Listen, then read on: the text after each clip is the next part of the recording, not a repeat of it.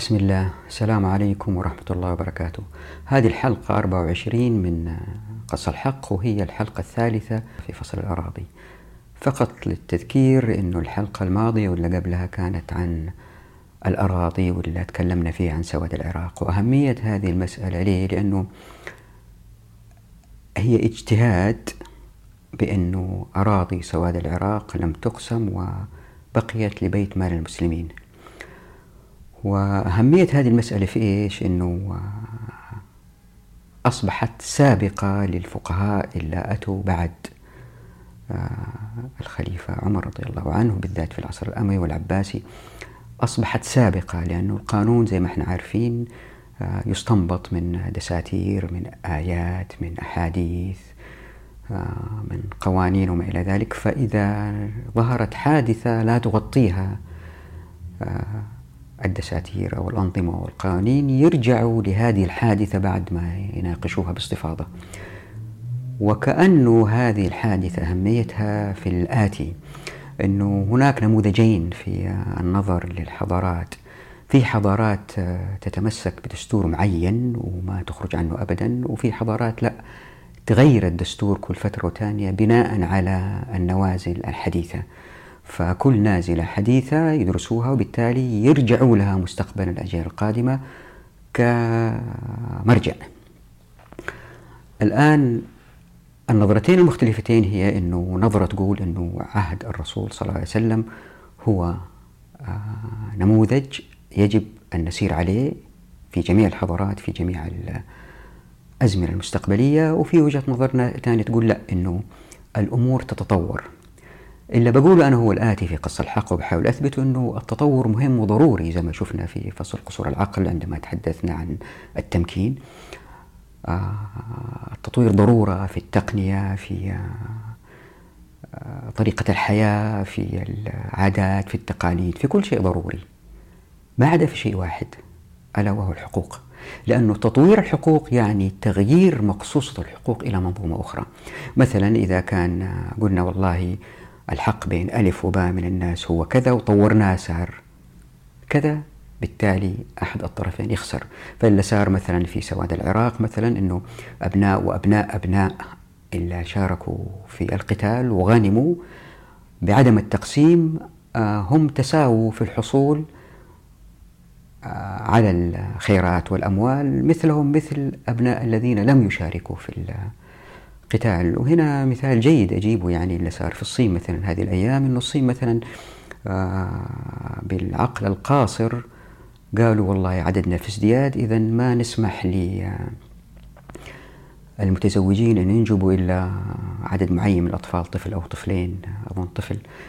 والصار بالتالي أنه بدأوا يحاولوا يكتشفوا هو بنت ولا ولد ويجهضوا بنت بعمليات وكذا واستمروا في الأولاد. الآن عندنا مجتمع صيني في عدد مرتفع من الذكور مقابل الإناث وفي رجال من غير زوجات مثلا. آه، هذه أحد الأسباب النتائج السلبية. نتيجة سلبية أخرى هي أنه هذا الطفل نوعا ما أمه وأبوه دللوه أعطوه كل شيء لأنهم بيشتغلوا بيكسبوا وبعدين جاء ولده يعني حفيد اللي أنجبوا هذا الولد صاروا أربعة اللي يصرفوا عليه مهتمين فيه فبالتالي بدأ يظهر بعض الأفراد في المجتمع الصيني اللي هم نوعا ما اتكاليين وليسوا مثابرين لأنه المال جيهم جيهم يعني من آه، أمهاتهم آبائهم أجدادهم جدتهم.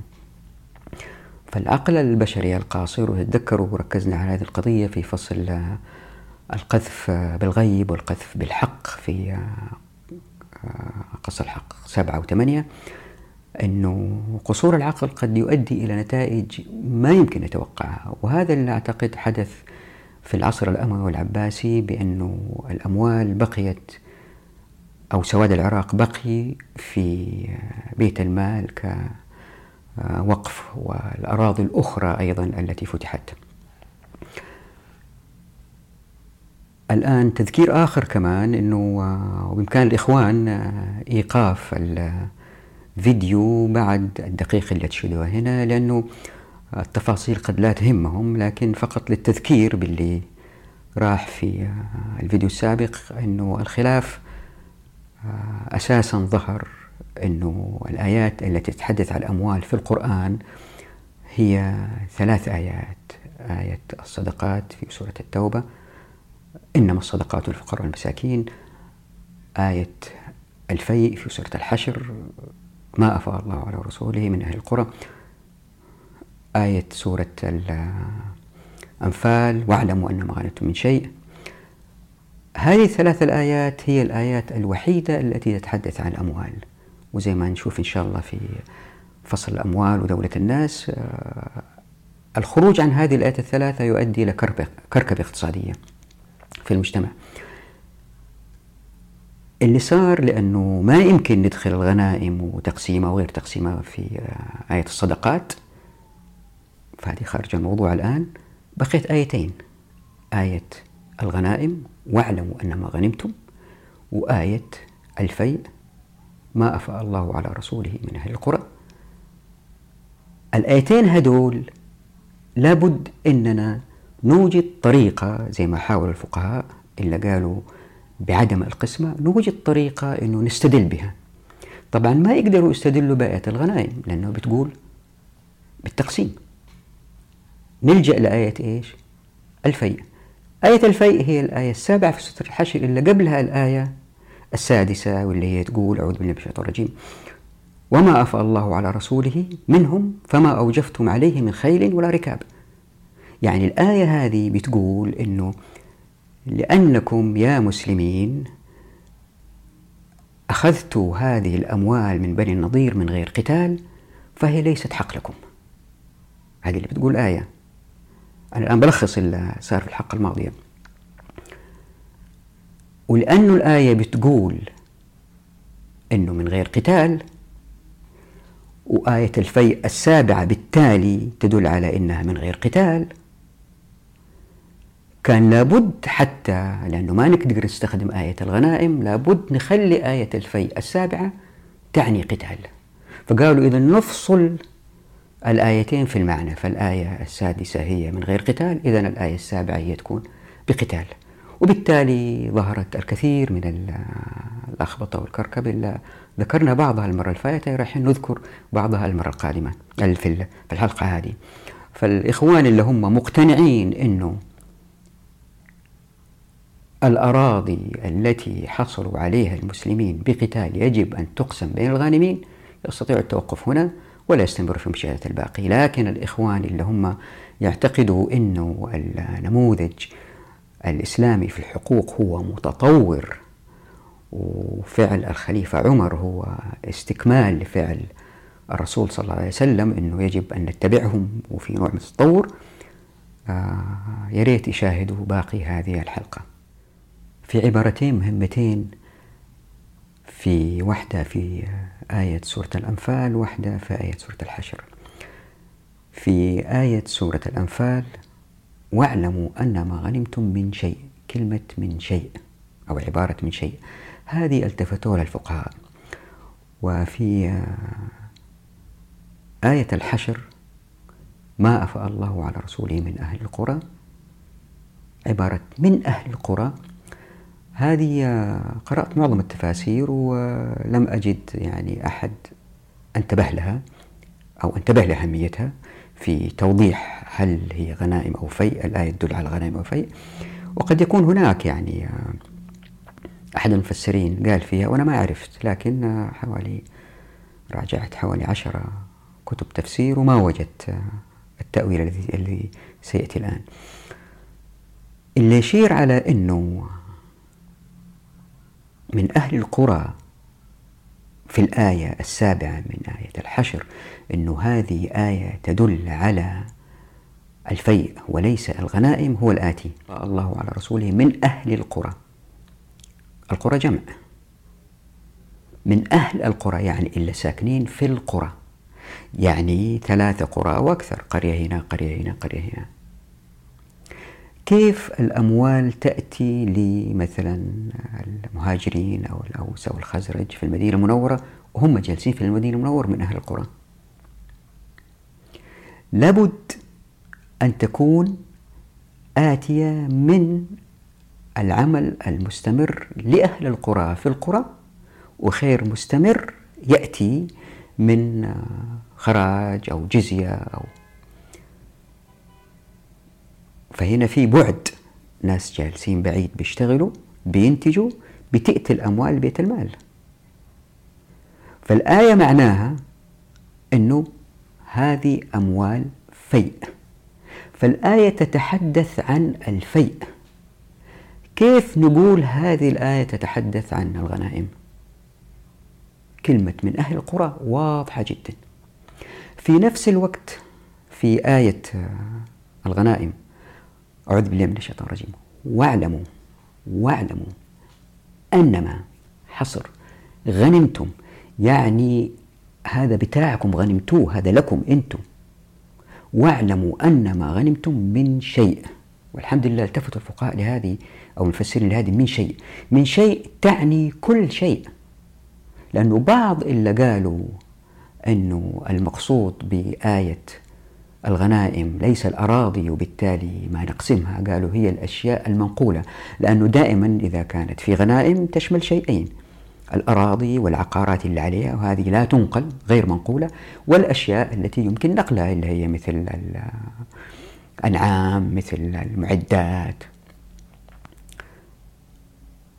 فالآية واضحة من شيء ومن جهة ثانية قول الحق سبحانه وتعالى في الآية السابعة من سورة الحشر كي لا يكون دولة بين الأغنياء منكم المال متى يكون دولة؟ لما يكون متجمع في مكان واحد وعبر الأجيال الناس اللي يحبوا الأموال يمكن يلتصقوا بالحاكم يمكن يقربوا من الموظف المسؤول عن بيت المال وبالتالي بالتدريج هذه الطائفة تنظم ترتب تحتال لإيجاد مصارف لأموال بيت المال حتى هم يستفيدوا منها. لكن إذا قسمت هذه الأموال على الغانمين وذهبت بالوراثة أبنائهم أبناء أبنائهم بالتدريج ما يصير دولة لأنه وقع في أيدي الناس. اللي أكد كده مثلا نشوف تأويل الطبري الله يرحمه يقول جل ثناؤه وجعلنا ما أفى الله على رسوله من أهل القرى لهذه الأصناف يعني المساكين وابن السبيل كي لا يكون ذلك الفيء دولة يتداوله الأغنياء منكم بينهم. يصرفه هذا مرة في حاجات نفسه وهذا مرة في أبواب البر وسبل الخير فيجعلون ذلك حيث شاءوا ولكننا سننا فيه سنة لا تغير ولا تبدل. ويمكن واحد يقول طيب آه، أحفاد وأحفاد أحفاد اللي ما شارك أجدادهم في الجهاد واستفادوا من الغنائم في سعود العراق آه، قد يشعروا بنوع من الظلم. الجواب لا أبواب الجهاد مفتوحة لأنه العمل العسكري كان عبادة وكان بإمكانهم أنهم يغنموا. واللي صار آه، بعد عهد عمر رضي الله عنه في عهد آه، عثمان وعهد الخليفة عمر كرم الله وجهه اللي صار أنه لم تقسم الأراضي وقسمت الغنائم المنقولة. ثم في العهد الأموي والعباسي بالتدريج جميع الغنائم الغير منقولة والمنقولة كانت لبيت مال المسلمين والعمل العسكري صار وظيفة. وبالتالي والله أعلم ويمكن أكون مخطئ في هذا كثير لأنه ما في تأكيد لهذا من خلال أبحاث أنه بالتدريج آه، خف الجهاد أو الدافع للجهاد وانجذب إلى العمل العسكري. هم آه، الأفراد الذين ليسوا هم بذات الشجاعة إن كان العمل العسكري عبادة من غير مرتبات. فاللي صار أنه آه، خف فتح المناطق الجديدة للدولة الإسلامية. كان يمكن كل الكرة الأرضية بنهاية الدولة الأموية تصير دولة إسلامية من غير فرض الإسلام على غير المسلمين. كان يمكن يكون في غير مسلمين لا إكراه في الدين بيدفعوا الجزية. لكن الكرة الأرضية كلها كان يمكن تكون مسلمة إن استمر العمل العسكري كعبادة واستمرت الغنائم في التقسيم. واللي أكد أنه العمل العسكري كان عبادة والغنائم كانت تقسم هي آية سورة الحشر السادسة اللي تقول وما أفاء الله على رسوله منهم فما وجفتم عليه من خيل ولا ركاب ولكن الله يسلط رسله على من يشاء. يقول القرطبي مفسرا لهذه الآية وقيل لما تركوا بني النضير ديارهم وأموالهم طلب المسلمون أن يكون لهم فيها حظ كالغنائم. فبين الله تعالى أنها فيء وكان قد جرى ثم بعض القتال لأنهم حوصروا أياما وقاتلوا وقتلوا ثم صولحوا على الجلاء. ولم يكن قتال على التحقيق بل جرى مبادئ القتال وجرى الحصار وخص الله تلك الأموال برسوله صلى الله عليه وسلم. وقال مجاهد أعلمهم الله تعالى وذكرهم أنه إنما نصر رسوله صلى الله عليه وسلم ونصرهم بغير كراع ولا عدة يعني كان واضح في أذهان الصحابة كعرف مقبول وما حد يناقشه إنه إذا كان في معركة وفي غنائم هي الغنائم لهم. لذلك نزلت هذه الآية تقول لهم لا لا لا لا أنتم هنا ما كان في قتال فإذا ما لكم حق في هذه الغنائم. ويقول الطبري واصفا أمر الله عز وجل نبيه بالسير إلى قريضة والنضير وليس للمسلمين يومئذ كثير خيل ولا ركاب فاحتواها كلها. فقال ناس هلا قسمها؟ فأنزل الله عز وجل عذره فقال ما أفاء الله على رسوله من أهل القرى فلله وللرسول وذي القربى. واللي أكد الكلام السابق ذهاب بعض العلماء زي ما وضح العبادي أنه آيات سورة الحشر ما لها علاقة أبدا بالأراضي المفتوحة عنوة لأن فعل الرسول صلى الله عليه وسلم بالأراضي كاف في إثبات حكم قسمة الأرض المفتوحة. استنتج ويقول وعليه فمجموع الآيات الكريمة جاء لبيان أن أموال الفيء حكمها لله ولرسوله ومصارفها ما بينته من وجوه وهو غير ما بينته آية الأنفال فآية الحشر مختلفة في الموضوع عن آية الأنفال وبذلك يظهر أن آيات الحشر ليست مخصصة لآية الأنفال كما قال الآخرون. لهذا السبب كان توجه بعض الفقهاء أنه آه الأمر واضح وأن الغنائم يجب أن تقسم فبرروا فعل الخليفة عمر رضي الله عنه بأنه ما فعل ذلك إلا بعد أن استطاب أنفس الغانمين. يعني اللي غنموا سواد العراق الخليفة عمر رضي الله عنه استطاب أنفسهم يعني تنازلوا عن حقوقهم. فالخليفة عمر رضي الله عنه لم يخالف فعل الرسول صلى الله عليه وسلم بل استطاب أنفس الغانمين لأنه في ذلك الوقت أراد أن يكون هناك بعض من المال لحماية الثغور. يعني رغم في الأثر من أنه بلال بن رباح رضي الله عنه كان متمسك جدا بحقه في ضرورة القسمة وفي الأثر أنه رضي الله عنه قال للخليفة عمر رضي الله عنه أتقف ما أفاء الله بأسيافنا على قوم لم يحضروا ولم يشهدوا ولأبناء القوم ولأبناء أبنائهم ولم يحضروا؟ فبرغم وجود هذا الأثر يصعب علي أنا وبالتأكيد على كل مسلم أنه بلال رضي الله عنه إلا كلنا عارفين سيرة حياته أحد أحد. أنه مستحيل رضي الله عنه أنه كان يطمع في أموال سواد العراق.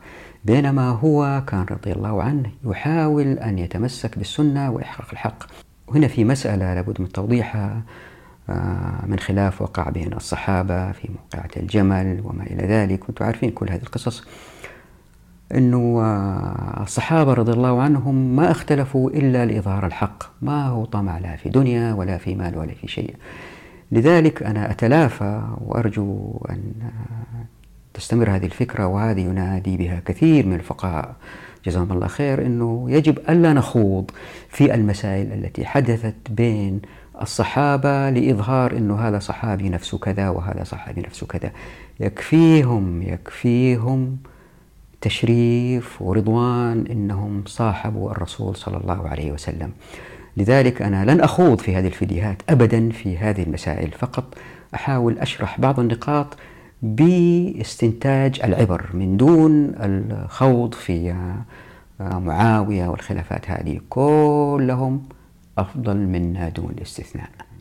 واللي يدل على إنه عمر رضي الله عنه أستطاب أنفس الغانمين الموضوع اللي ذكره الإمام الشافعي رضي الله عنه بسنده عن جرير بن عبد الله البجلي قال كانت بجيلة ربع الناس فقسم لهم ربع السواد فاستغلوه ثلاث أو أربع سنين.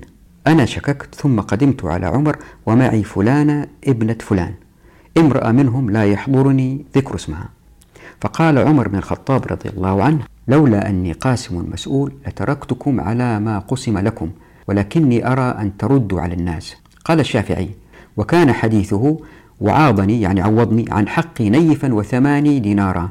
وكان في حديثه فقالت فلانة قد شهد أبي القادسية وثبت سهمه ولا أسلمه حتى تعطيني كذا أو تعطيني كذا فأعطاها إياه. ثم استمر قائلا وفي هذا الحديث دلالة فإذا أعطى جريرا البجلي عوضا من سهمه والمرأة عوضا من سهم أبيها أنه استطاب أنفس الذين أوجفوا عليه فتركوا حقوقهم فجعله وقفا للمسلمين. وهذا حلال الإمام لو افتتح اليوم أرض عنوة فأحصى من افتتحها وطابوا نفسه عن حقوقهم منها أن يجعل الإمام وقفا وحقوقهم منها. ويوفي أهل الخمس حقوقهم إلا أن يدع البالغون منهم حقوقهم. يعني هنا الشافعي رضي الله عنه بيحاول يثبت أنه الخليفة عمر رضي الله عنه لم يخالف فعل الرسول ولكن استطاب أنفس الغانمين. لكن بعض الفقهاء قالوا لا تأويل الشافعي رضي الله عنه في وجهة نظر أخرى تناقضها ألا وهي أنه عمر بن الخطاب رضي الله عنه أعطى بجيل ربع السواد كنفل. والنفل سيأتي توضيح إن شاء الله في فيديوهات قادمة هي اللي يعطيه السلطان أو الحاكم أو الخليفة قبل المعركة لجماعة أو لشخص مقابل عمل أدو أو بطولة أو شيء. فبيقولوا لا هي نفل وليست تقسيم كغنائم.